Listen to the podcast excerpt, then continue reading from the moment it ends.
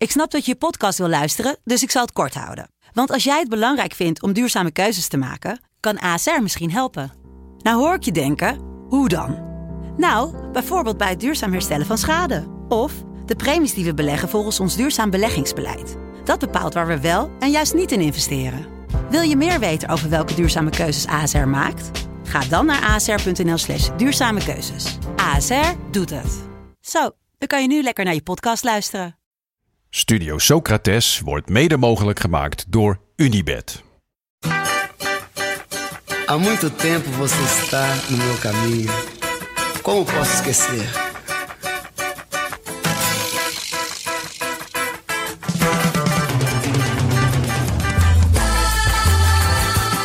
Welkom bij Studio Socrates, een podcast over alles wat voetbal mooi maakt. Beleza é você, menina. Menina, no seu jeito de olhar. Daan, eh, onze aflevering van Eudegaard staat online. Dat was afgelopen woensdag, is die uitgekomen. Het is nu vrijdag. Ja. Dat betekent dat we alweer een klein beetje vooruit gaan kijken naar volgende week woensdag. Het tipje van de sluier. Of nee, we gaan niet tipje van de sluier. Gewoon, we halen die sluier helemaal af. We gaan namelijk volgende week over Frank Rijkaard hebben. Ja, heel veel zin in. Een hele aflevering lang. Maar vandaag dus het opwarmertje en pakken we even een element waar we het wat langer over willen hebben. Ja. Een, een bepaald fenomeen, een karakteristiek, iets van hem, wat, eh, wat nog meer, waar we nog iets verder over willen uitweiden. Ja, dus we gaan het vandaag eh 20 minuten over pijpenkrullen hebben. nee, nee, we gaan het hebben over eh, de meest iconische terugkeren. Ja, Rijkaard is natuurlijk het voorbeeld van een speler die terugkeert vooral naar, naar de club waar hij is groot geworden. Naar zijn jeugdliefde. Ehm, eh, en dat werd een succesverhaal. Ehm, maar daar zitten natuurlijk goede en eh, slechte voorbeelden tussen. Ja, ja, daar gaan we het eh, straks over hebben. Maar eerst een klein beetje administratie nog, hè? Ja. Ehm, de mok. De Ronaldo voetbal Boeddha mok. Er zijn weer twee winnaars.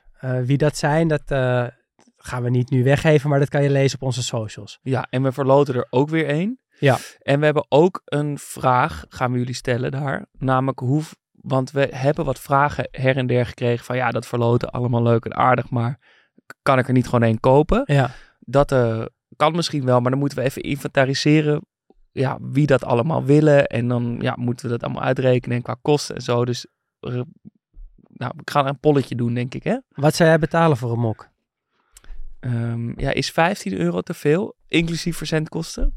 Mm, Het is wel de voetbal Boeddha mok. Maar ja. Ja. het wordt, dat zijn dus een beetje de vragen waar we het nu over moeten hebben. Ja, nou ja, 15 euro, dan... Ja, ik vind het heel, heel eerlijk, vind ik het eigenlijk best wel veel geld voor een mok. Maar het Alleen, is ook ja, een stukje is- beleving. Hè? Ja, je krijgt een, eh, ja, een echte mok van ons. Het is een beetje gevoel zit erbij. Ronaldo staat erop.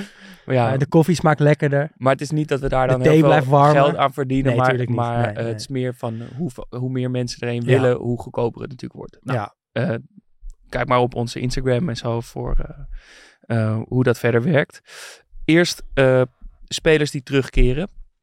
Ehm, ja, waarom doen spelers dat eigenlijk in een tijd waarin spelers eigenlijk, nou, of tenminste, er bes- bestaat natuurlijk nog wel loyaliteit aan een club, maar ja, ook weer niet zoveel meer. Spelers verlaten vaak vrij vroeg ja, hun, de club waar ze zijn opgeleid.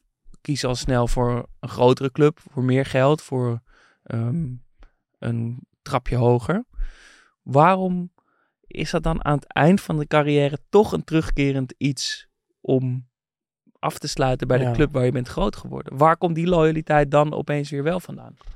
Nou, in het mooiste geval is het denk ik een soort van natuurlijk verloop van een carrière. Wat je ook in het leven toch vaak ziet. Je leest toch dat mensen toch vaak terechtkomen op de plek, of in de buurt van de plek waar ze geboren zijn. Dat daar dan toch de roots liggen, dat dat iets ongrijpbaars is waar je dan, ja, als een magneet eigenlijk dat weer naartoe wordt teruggetrokken.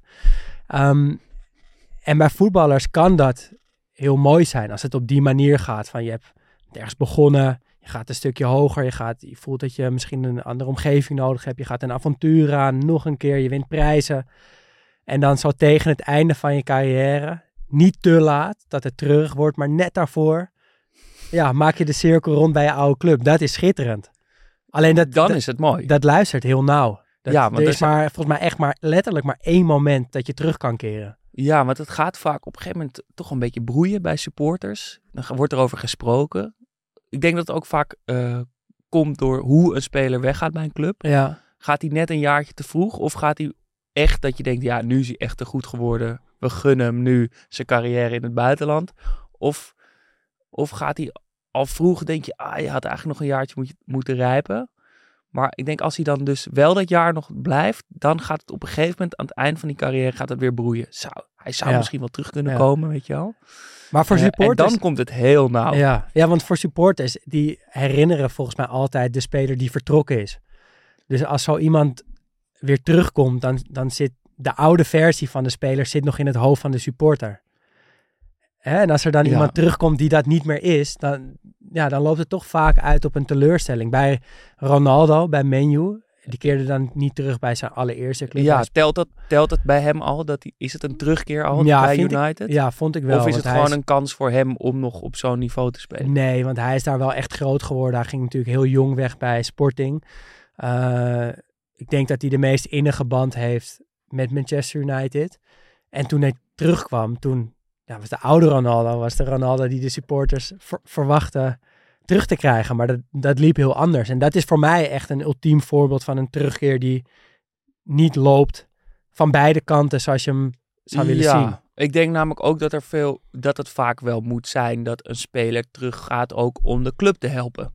Maar ik had Ja. het idee dat het hier ook een beetje andersom was. Dat, om zichzelf te dat helpen. hij zichzelf ook wel kon helpen bij United en daardoor ook met verwachtingen terugkwam.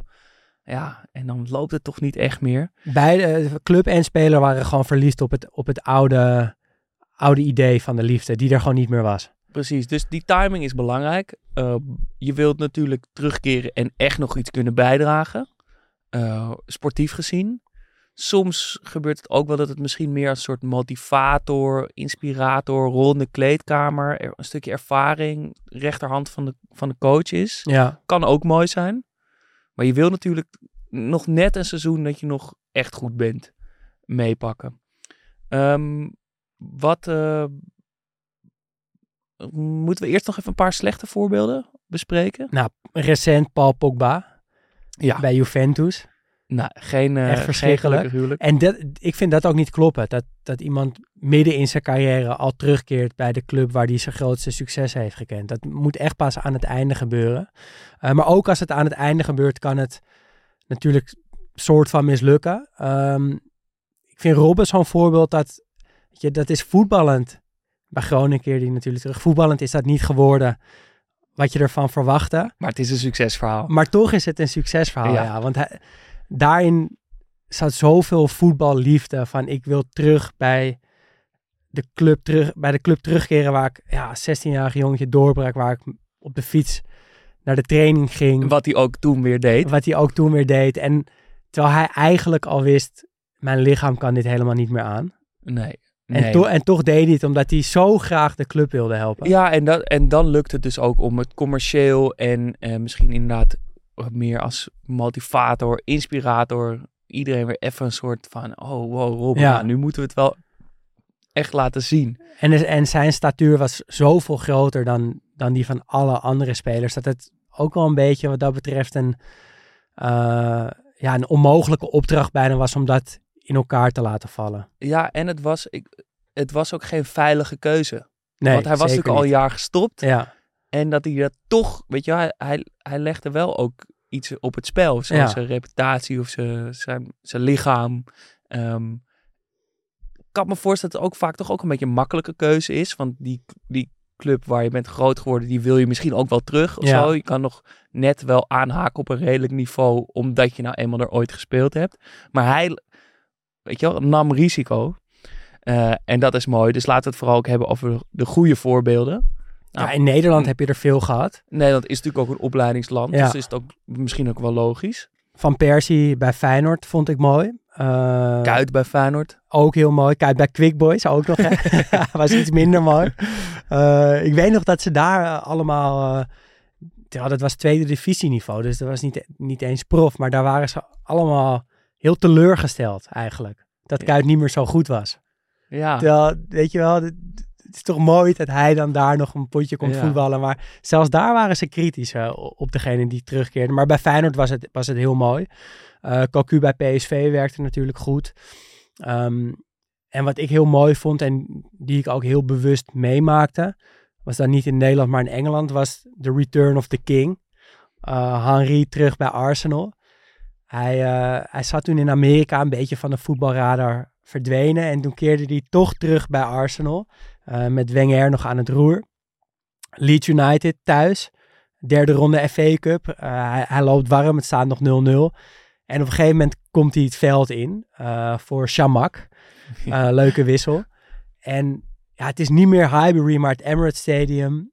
Maar toch voelt het wel echt als thuiskomen voor Ja, Henry. er Hij heeft wel echt een soort elektriciteit in de lucht. ja, hij heeft, dat, hij heeft dat shirt weer aan. Het, het beeld met eh, Wenger klopt nog. Eh, hij komt er dan in.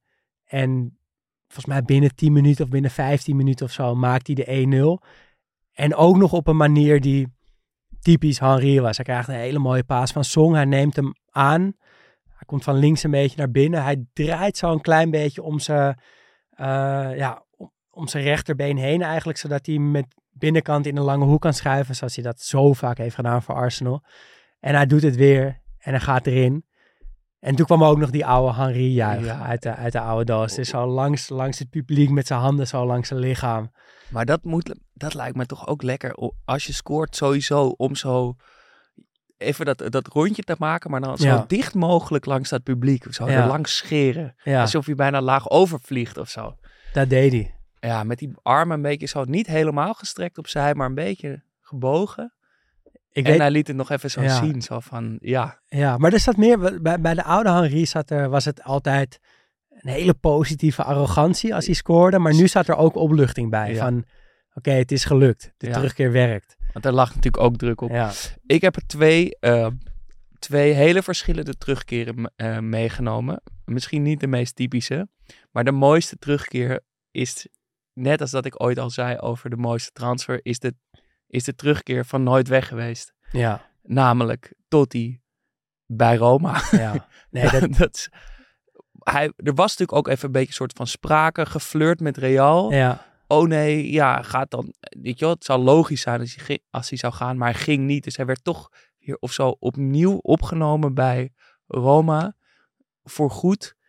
En dan, ja, dat afscheid in Stadio Olimpico met die 10 minuten durende of, staande ovatie. Ja, het voelt bijna wel als een terugkeer. De mooiste transfer is de transfer die er nooit is gekomen. ja. En de mooiste terugkeer is de terugkeer van nooit weg geweest Ja. eigenlijk. Ehm, maar daarbij en moeten we het ook heel even hebben over misschien wel tegenovergestelde van Totti. Ja. Namelijk eh tegenovergestelde van niet weggaan is gewoon is terugkomen. En dan heel vaak terugkomen. En namelijk Claudio Pizarro. Ehm, hij leek het terugkeren bij Werder Bremen bijna mooier te vinden dan het voetballen bij Werder Bremen.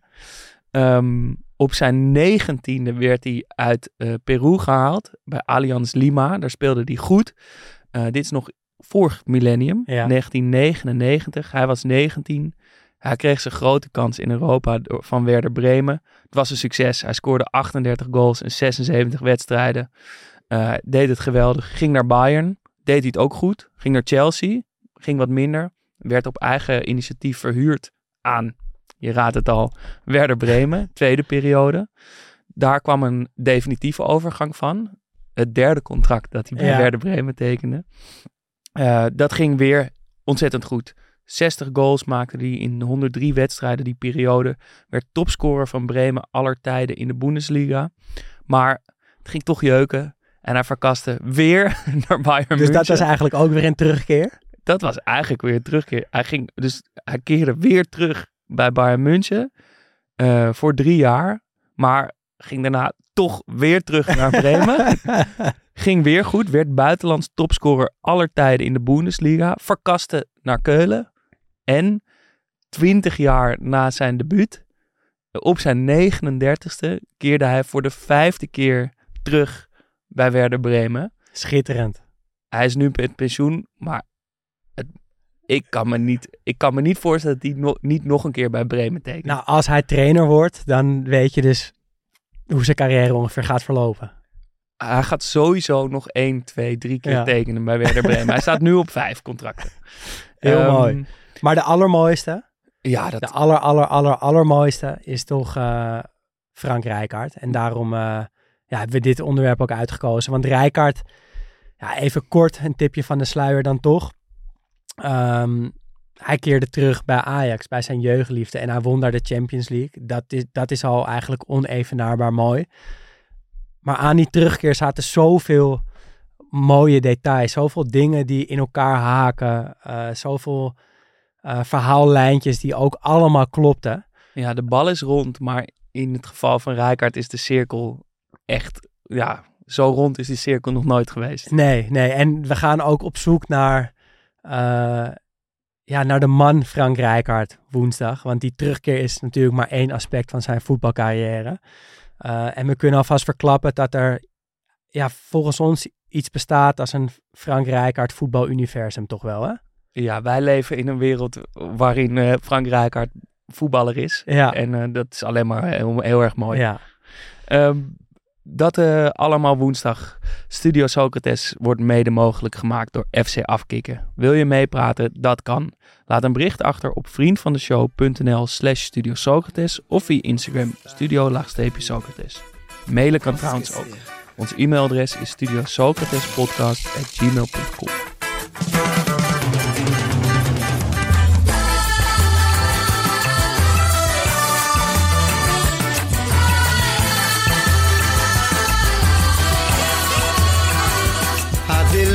você, menina. Menina, no seu jeito de olhar. O sucesso é você, menina. Menina, no seu modo de andar. Alegria é você, menina. Menina, no sorriso que dá. Vendaval por amor, menina, menina, todos querem te amar. Ei, vento, vento, vento no mar, te segura no balanço, o vento não te levar.